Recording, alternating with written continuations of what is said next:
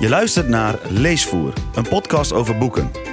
Met Martine Zelstra en Robert Visser, die deze boeken voor je verslinden en tips geven.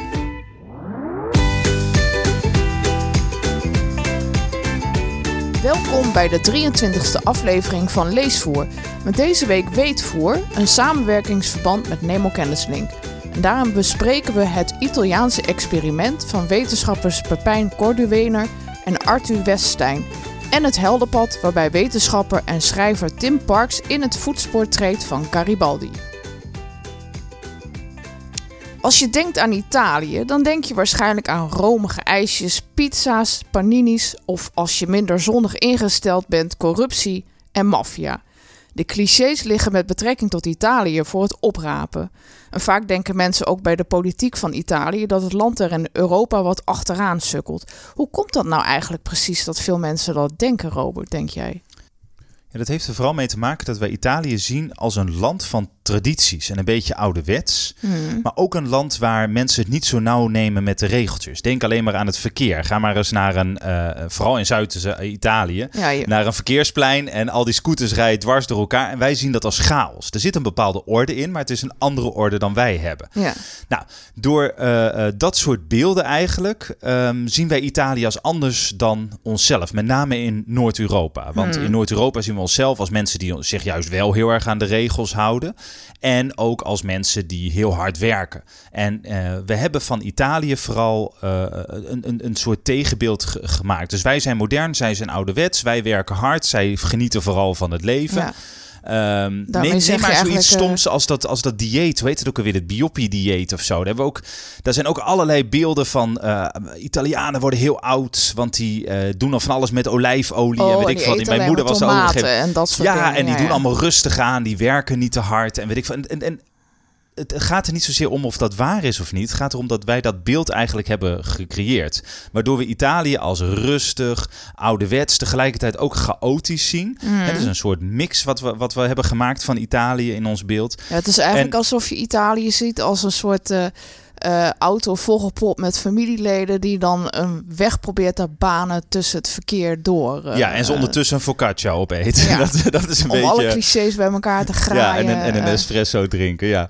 Eh, en eigenlijk hadden moeten werken, maar toch maar eh, van het lekkere weer genieten en er met z'n allen eh, op, op weg naar het strand. Ja. Ja. nou ja, zoiets inderdaad. En eh, door dat hardnekkige beeld van Italië eh, zien, wij, eh, zien wij het eigenlijk als, als een uitzondering. Het is iets anders dan dat wij zijn. Ja. En, en dus zeker niet iets moderns. Want wij zien onszelf heel erg als modern in, in Noord-Europa. Nou, en het gekke is, en dat vond ik echt heel erg verhelderend, is dat eh Corduwener en Weststein zeggen van hé, hey, nee, Italië is juist een trendsetter. En dat Ja. was een manier, eh, vooral politiek gezien dan, hè? Mhm. En dat was een manier waarop ik nog nooit naar Italië had gekeken. Nee, ik ook niet hoor. Echt eh, totaal niet. Om maar eh. misschien met het meest interessante voorbeeld te beginnen. Eh, Benito Mussolini heeft iedereen denk ik wel van gehoord. Was een eh, dictator in, eh, die in 1922 aan de, aan de macht kwam in, in Italië. Mhm. Erg flamboyante man, een fascist. Eh, zijn, de stroming waar hij deel van uitmaakte heette fascisme. Nu is dat een soort scheldwoord geworden, maar Mhm. dat is echt waar hij eh, voor stond. En hij maakt van Italië een, een fascistische staat. Nou kun je zeggen van, hé, hey, dat is zo anders en zo gek en zo ja, zo, zo vreemd ten opzichte van wat er verder in Europa gebeurde in, rond 1922, dat Mhm. Italië een uitzondering is. Hè? Het is. Het is echt wat anders dan wat wij op dat moment in Nederland hadden, want daar hadden we een democratie. Eh, eh, met, met, met stemrecht. En eh, hadden we helemaal niet een hele sterke leider aan de macht. Nee, maar goed, in de landen die er omheen zaten, kwam dat natuurlijk wel weer op. Ja, de, de- Italië liep eigenlijk zoveel voor. Hè? Want, want denk maar alleen aan Adolf Hitler bijvoorbeeld. Mhm. die natuurlijk opkomt in Duitsland in de jaren 30. eh, die heel veel heeft gekopieerd van Benito Mussolini. Ook Ja. zo'n persoonlijkheidscultus. waarin hij zichzelf als de perfecte Duitser neerzet. En Mussolini had het ook. Dat was de, de, de- het perfecte, eh, de perfecte Italiaan eigenlijk. Zo, wilde, zo, zo zou iedere Italiaan moeten zijn. Dat was Ja. een beetje de cultus En als je kijkt naar de geschiedenis van eh, eh, Mussolini, is het ook wel, tenminste, de auteurs maken wel heel duidelijk in het boek waar dat vandaan komt. Want als je kijkt naar de geschiedenis van voor Mussolini, is het land eigenlijk. ehm, het zit in een soort spagaat. Het zit in een soort tweedeling. Het noorden en het zuiden. Eh, daar zitten zulke grote verschillen in. En, en mensen. ehm, voelen zich niet zozeer met elkaar uh, verenigd. Of hoe moet je dat zeggen? Ja, nee, ik denk dat je het heel goed uitlegt. Inderdaad, de hele crux van dit boek is dat er een kloof is in Italië. En er is een grote kloof tussen de uh, politieke elite en de burger. Ja. En, en het uh, noorden en het zuiden. En tussen het noorden en het zuiden. Maar die, die speelt wat meer op de achtergrond. Er is Mhm. vooral een enorme kloof tussen wat zij dan de bestuurders noemen van Italië en het volk. Ja. En dat gaat helemaal terug tot in, volgens mij 1861. eh, kan er een jaartje naast zitten, maar dat is het jaar waarin Italië één wordt. Mhm. Ook al waarin Italië een voorloper is trouwens, volgens, Ja. de, volgens de auteurs. Vond ik zelf ook heel interessant. Want eh, Italië wordt op dat moment voor een deel eh, door Oostenrijk wordt het, eh, is het, eh, nee, wat is het dan, bezet? Of Mhm. eh, die is daar de heerser. Eh, de paus heeft nog ontzettend veel macht. Ja, die heeft de dikke vinger En- in de pap. Ja. Ja, maar ook gewoon nog allerlei eh, landerijen en zo Mhm. en, eh, en gebieden. Je hebt stadstaatjes. Dus het is, het is eigenlijk een lappendeken van allerlei verschillende heerschappijen, dat Ja. Italië. En dan is er een man, die heet Garibaldi. Daar gaan we later ook nog uitgebreider over praten. Maar die verenigt dat Italië. Ja. En dat gebeurt met name vanuit de noordelijke machthebbers. Ja. Met name de regio Piemonte speelt daar een cruciale rol in. En ehm, daardoor ja, zou je kunnen zeggen van dat, die, dat die hele eenwording van een beetje top-down, dus Ja. van bovenaf wordt opgelegd aan de Aan rest volk. van Italië. ja. ja. En eh, daar ontstaat volgens deze wetenschappers, volgens Cordiwener en Westijn, ontstaat een kloof. Ja. En de hele eh, politieke geschiedenis van Italië eh, zijn pogingen om die kloof te dichten. Mhm. En Mussolini probeert die kloof dus ook te dichten. Ja. Door een fascistische staat te stichten. En door die persoonlijkheidscultus van hemzelf te gebruiken. Van hoe, hoe geweldig hij wel niet is. En hoe, hoe, hoe hij de perfecte macho is. Hè? Want hij is, hij is, het is heel erg macho. Mhm. Waar Italianen tegenop kunnen kijken. En dat dat dan de, de bestuurder, wat hij is, de leider, verenigt met zijn volk. Ja. En ehm, dat, is, dat is een, ja, vind ik een ongelooflijk interessante theorie. Ik denk dat die kloof. Ik denk dat ze daar namelijk een ontzettend goed punt hebben. Ik denk dat die kloof, dat we die eigenlijk nu nog steeds zien. Hè. We zullen straks met eh, een beetje met zeven mijlslaarzen door de politieke geschiedenis van Italië gaan. Mhm.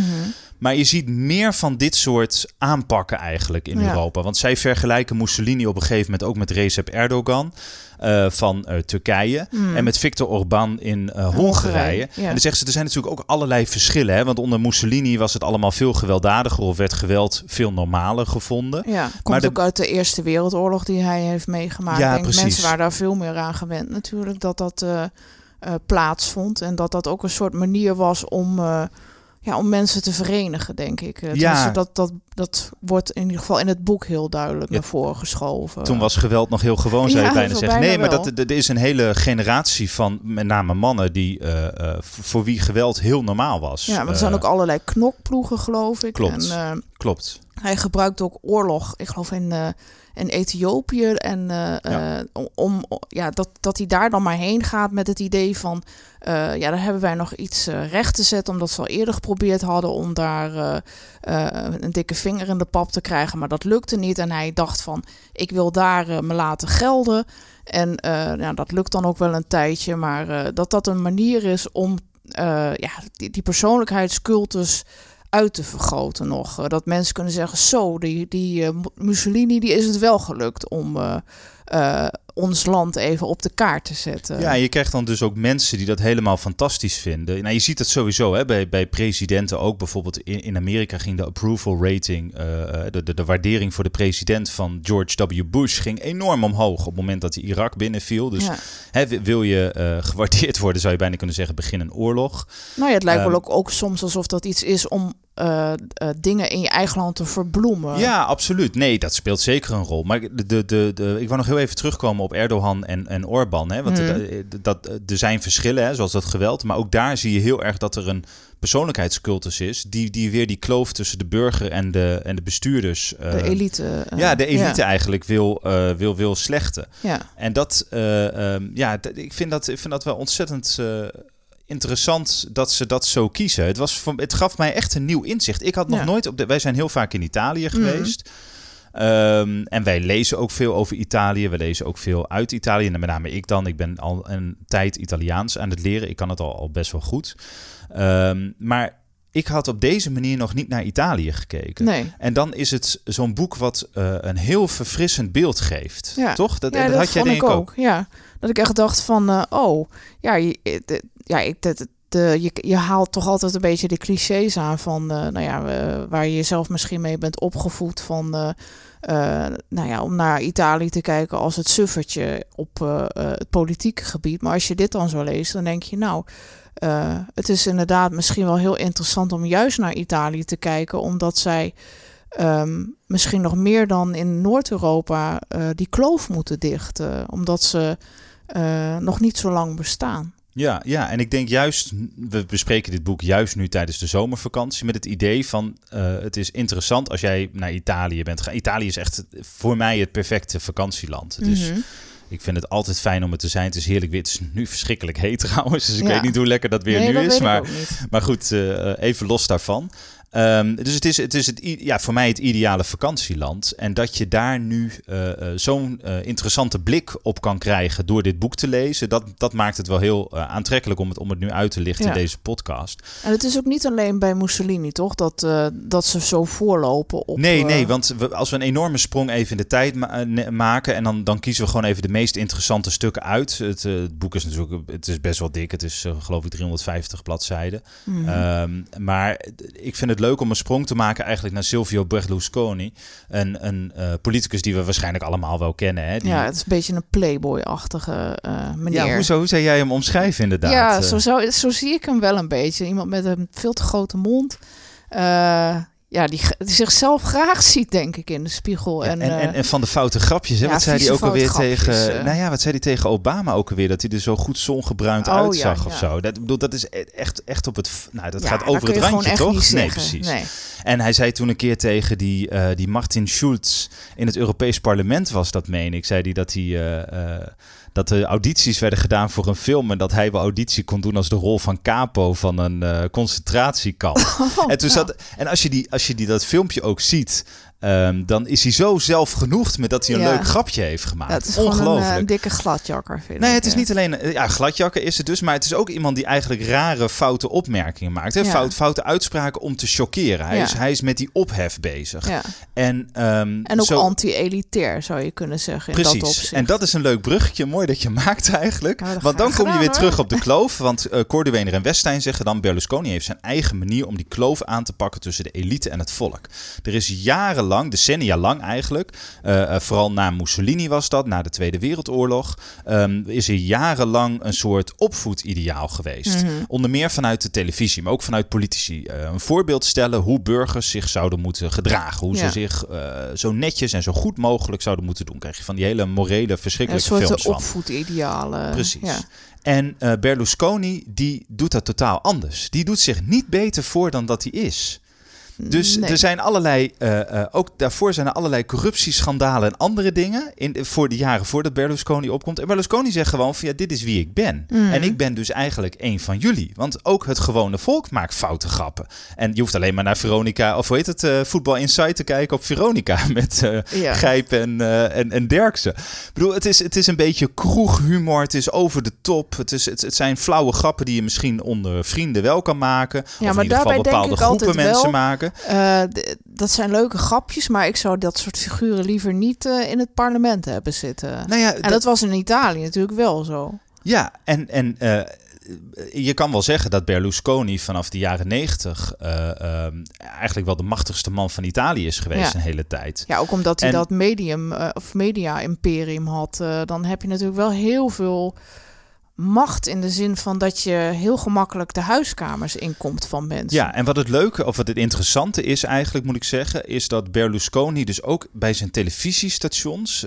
eh, ook dat moralistische helemaal weg heeft gelaten. Dus hij Mhm. biedt gewoon vermaak. Ja. Hè, dit, dit, is, dit is wat de mensen willen eigenlijk. Dat hele opvoedideaal, dat is dan, eh, dat is dan ook weg. ja. En ehm, Dat klinkt wel herkenbaar, hè? want bij Trump was dat in wezen ook Ja, zo. het is, ja, precies. Corduwener en Westijn zeggen dan van ja, dit is wat je ook krijgt als je naar Donald Trump kijkt. Ja. Hè, dat is, dat is eh, ook Ze- iemand die grof gebekt is, grab him by the pussy en weet ik veel wat. Nou, dat zei hij dan nog, eh, terwijl hij niet door had dat hij werd opgenomen. Nee, maar maar ja. hoeveel foute dingen heeft hij ook wel niet gezegd? En hij kwam ermee weg, omdat Ja. er werd gezien als dat, eh, hè, door, door een deel van het electoraat van hij is één van ons. Ja, de kiezers mensen vonden dat ook wel zich. mooi, althans een gedeelte van, Precies. van.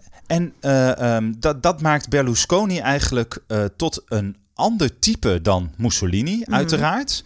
Uh, maar wel iemand die dus ook ja, die, die kloof aan het dichten is. En een van de dingen wat ik, ik vond dat zelf wel heel erg boeiend. Dat, dat wist ik namelijk helemaal niet. Ze schrijven ook iets over uh, waar Berlusconi nou vandaan komt. Hij was van vrij eenvoudige komaf. Mm. Uh, een beetje lagere middenklasse. Zijn vader werkte bij een kleine bank.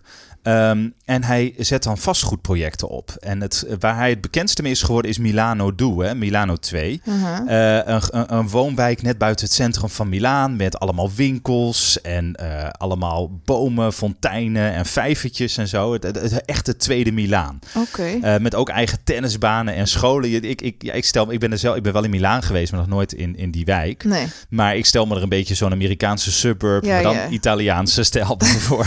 ik weet niet of het waar is. Zo, nee, zo, zo, zo, zo, omschrijven zij dat. Um, en het mooiste is, hij begint daar gewoon als... Ja, hij, is, hij heeft daar, daar wel de grote investeerder en alles... maar hij helpt ook gewoon mee op de bouwplaats. Okay. Dus hij zit in zijn oude kloffie gewoon mee te helpen... met bouwen, sjouwen en uh, ga zo maar door. En dan komen er twee mensen, twee journalisten aan... en die vragen dan... wij willen graag spreken met Silvio Berlusconi. En dan zegt hij... Oh, wacht even, dat is mijn neef. Ik ga hem even halen. En dan rent hij dus naar een bouwkeet. En dan kleedt hij zich snel om. maakt zijn gezicht schoon. En dan komt hij er weer aan en zegt hij ciao. En dan is het dus van, ik ben Silvio Berlusconi. Nou, dat, dat staat niet in het oh, boek. Okay. Dus ik ken het verhaal eerder ook niet. En, dan, en dat vond ik ook super interessant dat um, die wijk uh, Milano krijgt dus een eigen televisiekanaal. Ah. En dat is Tele Milano. En dat Tele Milano is de eerste bouwsteen van dat televisie-imperium van Silvio Berlusconi. Ah. En um, nou ja, op die manier, kijk, de, de, de, uh, we hebben het net gehad over de verfrissende blik eigenlijk. Dat, dat, dat is al leuk, hè? het geeft je een andere blik op, op, op, op, op Italië. En eigenlijk haalt het je eigen stereotypen ook een beetje onderuit. Mm. Maar dit soort anekdotes vind ik ook heerlijk om te lezen. En ja. dat zit ook wel echt in dit boek. Er zitten mooie verhalen in waar ik ook nog nooit van had gehoord. Nee.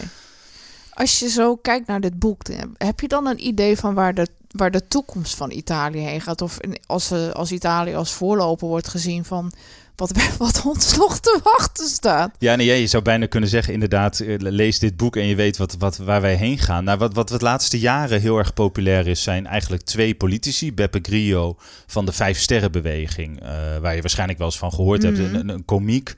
Um, die uh, ja, eigenlijk een, een, een, heel, ja, een beweging opzet. En zij noemen dat een voorbeeld uh, van de platformdemocratie. Ja. En um, ze noemen dat platform omdat hij heel veel volgers heeft op Facebook. En ik geloof Rousseau, dat eigen platform van de Vijf Sterrenbeweging. Wat wij dan niet, uh, niet zo kennen. Of tenminste, ik had daar nog niet eerder van gehoord. Mm -hmm. um, maar ook daar ja, hebben, krijgen de burgers krijgen inspraak.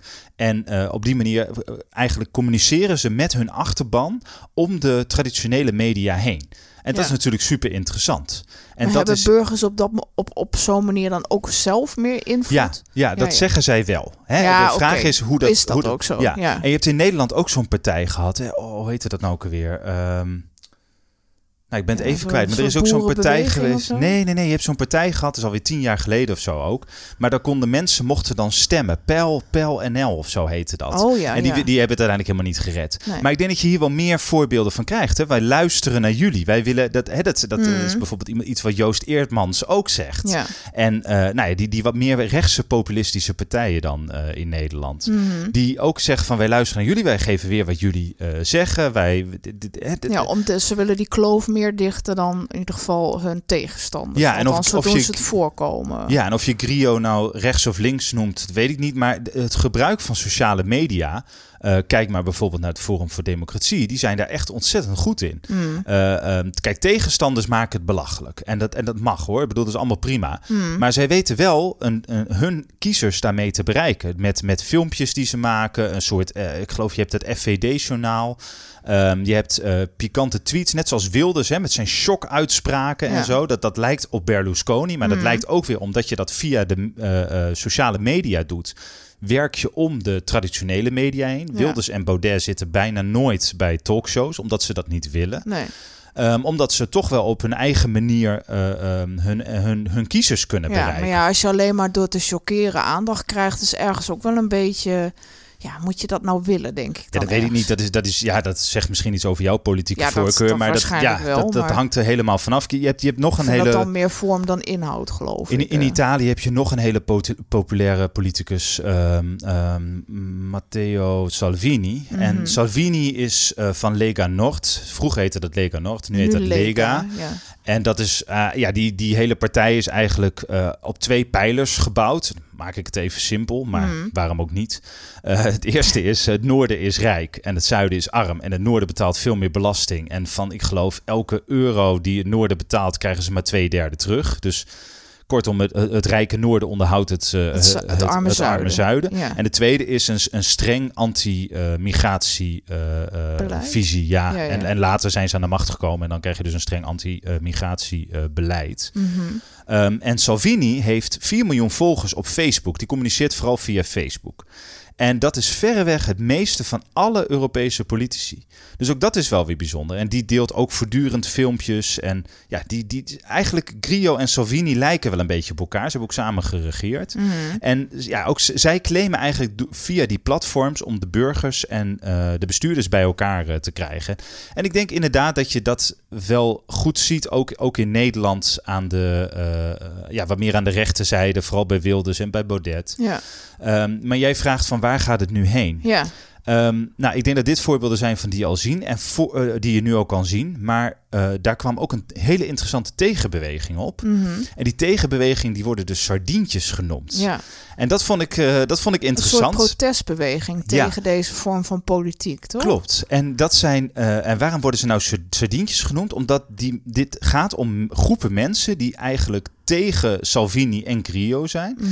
En op grote pleinen, piazza van eh, grote steden eh, bij Allemaal elkaar kwamen. samenkomen? Ja. Allemaal samenkomen en allemaal. Het werd zo druk dat ze allemaal zo dicht op elkaar stonden. Dat ze als een soort. In een blikje. Precies, Ja, ja. precies. Was wel voor COVID, denk ik. Ja, dat was in, in eh, 2019. Oké. En eh, ehm, eh, Arthur Weststein, die, eh, een, van de, de, een van Mhm. de schrijvers van dit boek, die is daar ook een keer bij geweest. Dus die, of een paar keer zelfs, geloof ik. En die stond daar tussen. Mhm. En die zei het was heel apart, want het was meer dat het een beweging was het tegen iets. Eh, ze, waren wel, ze hadden wel een pos- positieve beeld van migratie en ze waren meer pro-Europese Unie. Mhm. Maar ze wilden ook weer geen leider hebben. Ze waren heel erg tegen die, want tegen die leiderscultus eigenlijk, die je ook weer krijgt heel erg rond Salvini en ook wel een beetje rond Grillo. Mhm. En ehm, nu, nu denk ik dat het, dat, dat nu heel lastig is hè, om, Ja. om dat soort bijeenkomsten te houden. Maar het zou me niet verbazen als we dat, als corona wat meer onder de, eh, onder de, ja, onder de duim komt, of eh, Mhm. corona wat meer onder controle hebben, dat je dat soort tegenbeweging best wel eens eh, zou kunnen krijgen. Ja, omdat mensen toch het idee hebben van dit soort figuren spreken niet namens mij. Ja, precies. ja. Dat inderdaad. Ehm, maar ja, ik weet het niet. Ik, ik, ik, ik, ik, ik vind het ook lastig. Hè? Je kan het ook, dat zeggen de, de auteurs zeggen ook niet van alles valt één op één te vertalen. Mhm. Maar het is wel een interessante tegenbeweging dat je eigenlijk van de sociale media eh, dan gaat naar, de, eh, naar, naar echt weer fysiek bij elkaar komen en weer samen dingen doen. En het sluit elkaar ook niet helemaal uit, hè? want die Grio heeft ook Nou, ik eh, vind het grote wel, eh, bijeenkomsten gehouden waar heel veel mensen kwamen. Trump bijvoorbeeld Ja, ik ook. zeggen, maar hij heeft ook wel bij Trump, als je in Amerika kijkt, waren natuurlijk ook wel heel veel mensen die er tegen waren en een soort tegenbeweging of tegenprotesten gingen organiseren om Ja. hun stem weer te laten horen van ja, deze meneer, daar zijn wij ook niet zo blij mee en eh, daar moeten we iets tegen doen. Ja. Dus in dat opzicht, ja, is dat misschien wel een beetje vergelijkbaar. Nee, dat, dat zou inderdaad heel goed kunnen. Dus wat dat betreft zou je als je, als je een beetje toekomst eh, wil voorspellen en wil kijken waar het heen gaat, zou je gewoon nu heel erg moeten kijken wat, wat gaat er nu de komende jaren gebeuren in Italië. Ja, En eh, want ja, nou, nog meer reden om heen te gaan. ja, precies. Nou ja, dat is echt wel. Ik ging al heen om het ijs en Ja, om de ja. literatuur en om de cultuur en, en, en de prachtige ruïnes. Maar Dus, eh, eh, en het voor mooie. de, de politieke thermometer is dit ook handig. Ja, nou ja, inderdaad. Ja. Ik, ik had eigenlijk helemaal geen excuus nodig om naar Italië te gaan. nee, maar nu heb je er nog geen extra. Ja, nou dankjewel. Eh, wat zou je verder nog lezen? Ja, we, we- eigenlijk nog een boek wat we wilden uitlichten, hè, Mhm. deze eh, podcast. En dat Klopt. is het, het Heldenpad van, van Tim Parks. Eh, vertaald door eh, Corine Kisling eh, in het Nederlands. Mhm. En ook gewoon in het Engels heet hij The Hero's Way. Ehm, en dat is een heel interessant boek, omdat het voor een deel, en daarom past het zo goed in deze uitzending, voor een deel gaat het over eh, of het gaat over eh, Garibaldi. En die komt ook weer voor een groot deel terug in het boek van Westijn en Corduene. Ja, want in Ehm, het boek van, eh, van de eerste twee auteurs dacht ik van ja, de- ze fietsen er zo snel doorheen, de, die eenwording van Italië, dat ik dacht van wie is die Garibaldi het nou ging voor jou een beetje snel, hè, vond Ja. je? Ja. Te Dus weinig uitlegd eigenlijk. Ja, eh. van wie is dat? Dat leek een interessante man en eh, heel belangrijk, maar ze dat was echt eh, een paar paragrafen en hop, toen was het alweer klaar. Ja, Garibaldi is eigenlijk de, ja, je zou een beetje kunnen zeggen, populair gezegd, de Che Guevara van de 19e eeuw. Was een enorm charismatische man Mhm. die overal en nergens gevochten heeft, ook in Zuid-Amerika. En dan weer terugkomt in Italië en het is een Italiaan en hij wil van Italië één land maken. Ja, Dus hè, Italië is, wat ik al zei eh, in het begin, dat is dat lappendeken van allemaal verschillende heersertjes, eh, stadstaten, de paus die nog eh, allerlei stukken land heeft en alles. Ehm, en Garibaldi zegt van wij, mo- wij moeten één Italië worden.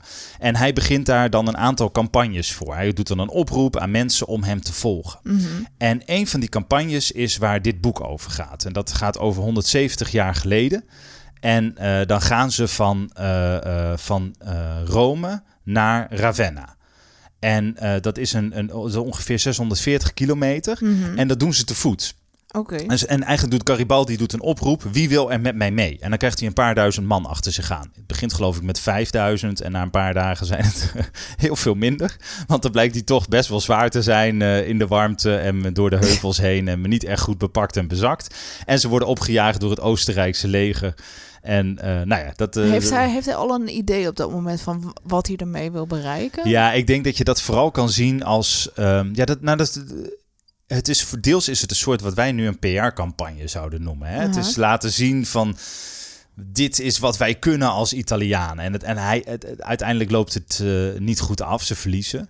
Eh, maar hij probeert het later nog een keer. En in 1861 lukt het wel.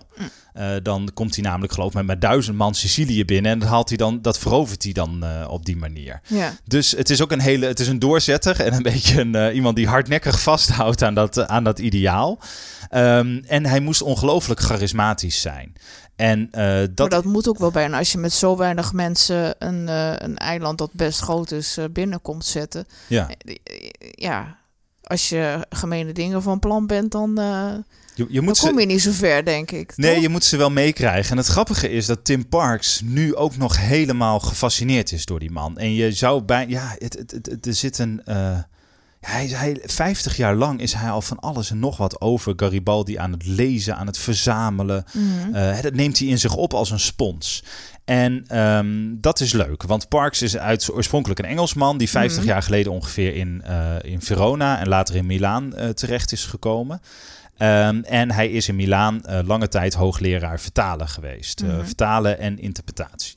En eh, hij schrijft dit boek als hij net gestopt of net nog in dienst is bij de Universiteit van Milaan. Mhm. Ehm, en daar refereert hij ook mee, nog een aantal keren aan dat hij artikelen moet beoordelen en zo. En dat hij, daar, eh, dat hij daar nog mee bezig is. Maar goed, hij heeft die enorme fascinatie voor Garibaldi. Hij leest alles wat los en vast zit over die man.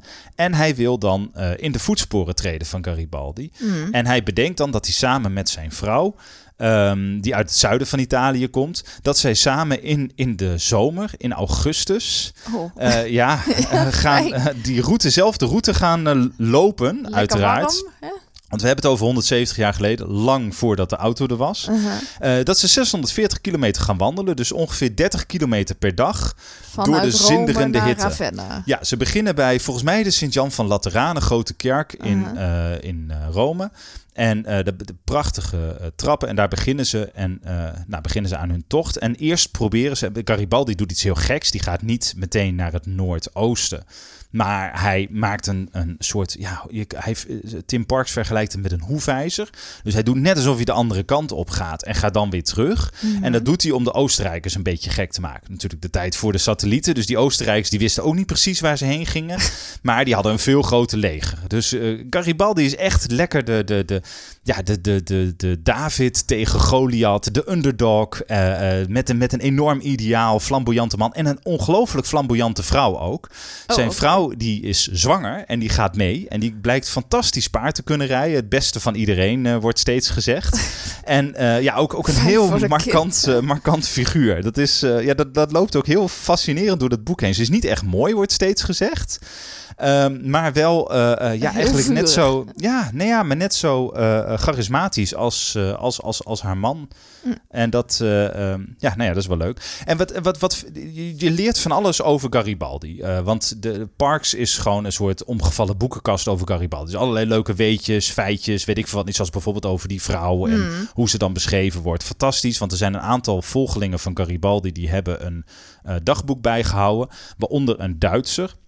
Eh Hofstadter wordt hij genoemd. En ehm, dat is, dat, nou ja, daar zit, zit ontzettend, eh, of Hof, Hofstetter is het.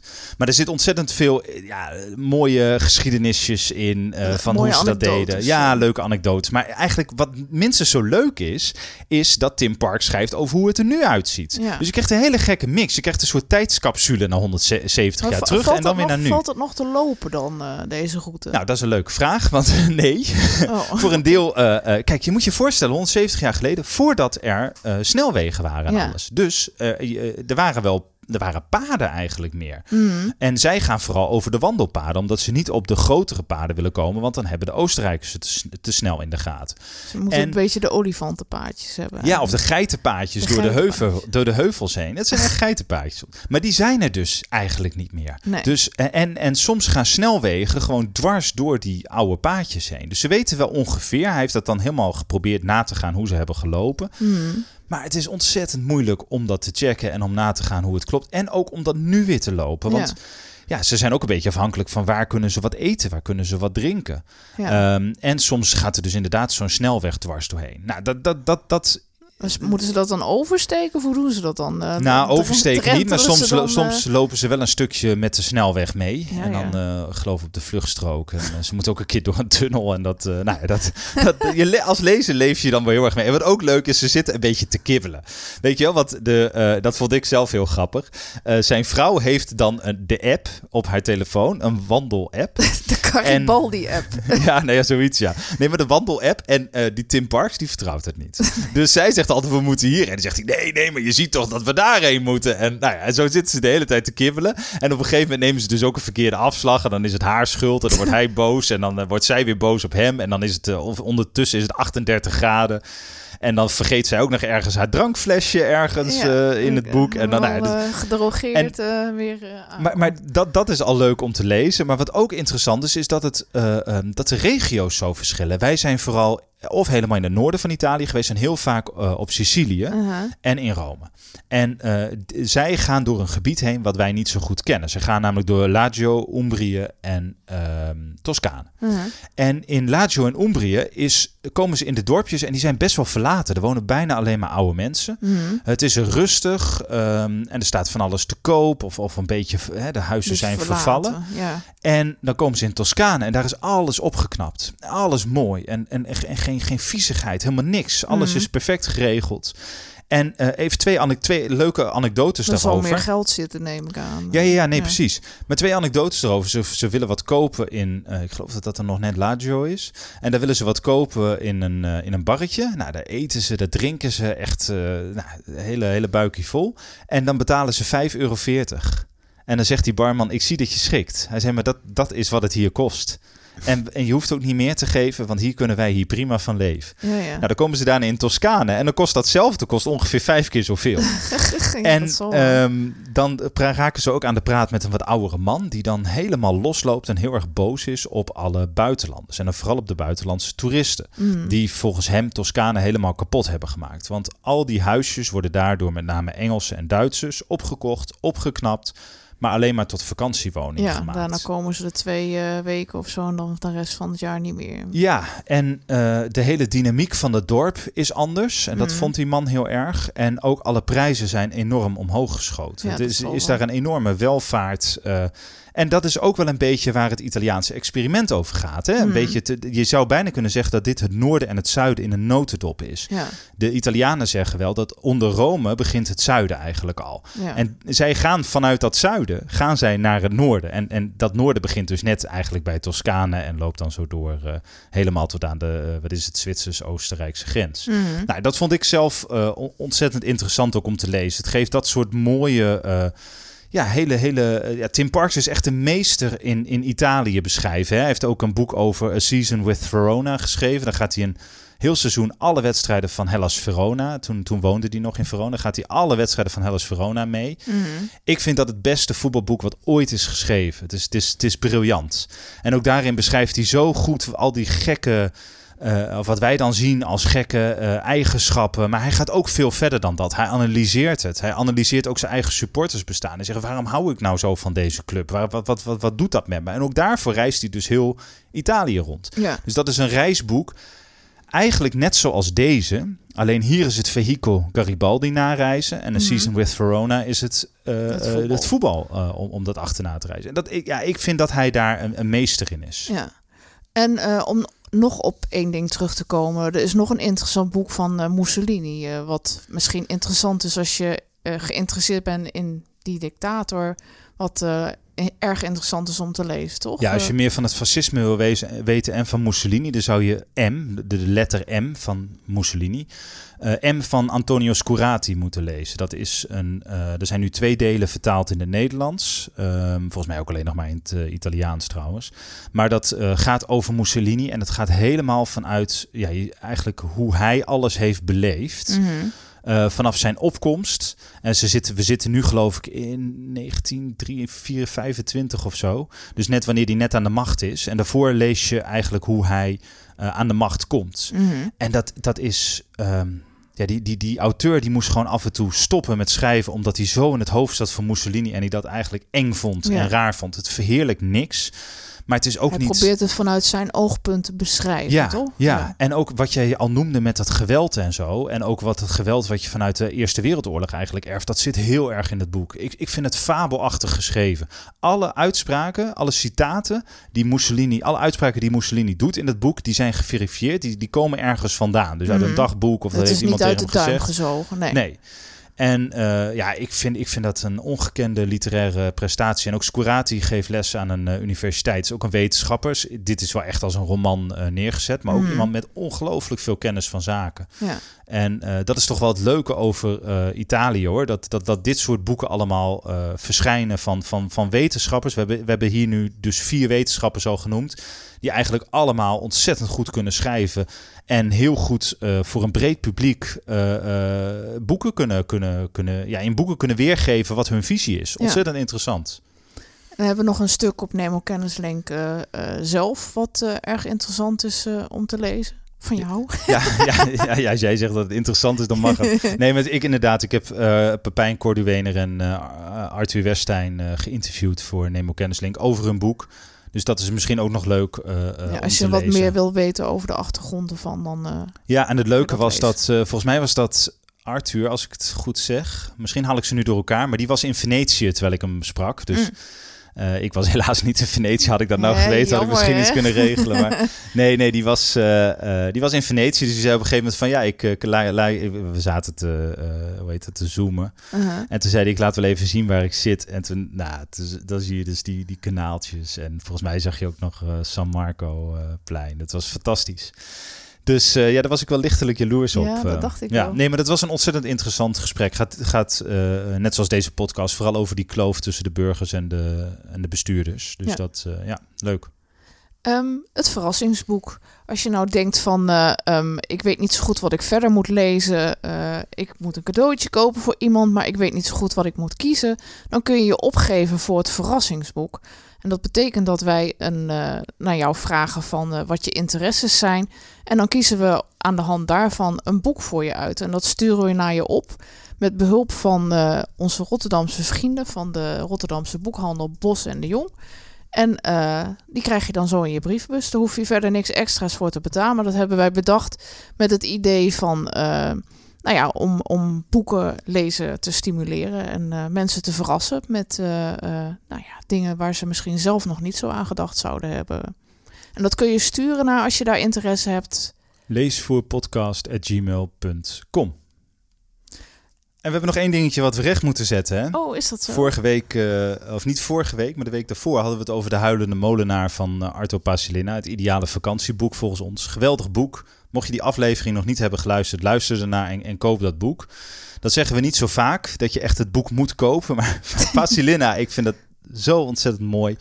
Maar goed, we hebben de vertaler niet genoemd. En daar werden we op gewezen uh, uh, op Twitter. En zeer terecht ook.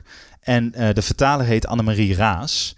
Um, dus die wil ik toch, ja, toch wel even noemen. Die heeft het uit het Fins vertaald. En ja, voor de vertalers moeten we, ja, die moeten we ook gewoon noemen in zo'n aflevering, vind ik. Dus dat was zeer terechte kritiek. Frans van Nes had het geschreven op Twitter. Dus uh, Frans, we hebben het genoemd. En uh, ja, dan moeten we eigenlijk Van M ook nog even noemen. Ja. Hè? Want dat vergat ik ook meteen. Ja, want als we dan toch bezig zijn, dan kunnen we dat beter ook even noemen. En de, de vertaling is gedaan door Jan van der Haar bij het boek van M van Antonio Scoratti. Hartstikke mooi. Wat gaan we, volgende keer doen, Robert? ik weet het nog niet, maar er is een grote kans dat we het over Den Haag gaan hebben. En ja, verder moeten we, moeten we even kijken. Ja, dus daar komen we later nog mee. Ja. Hopelijk luister je dan weer. Tot de volgende keer. Ciao.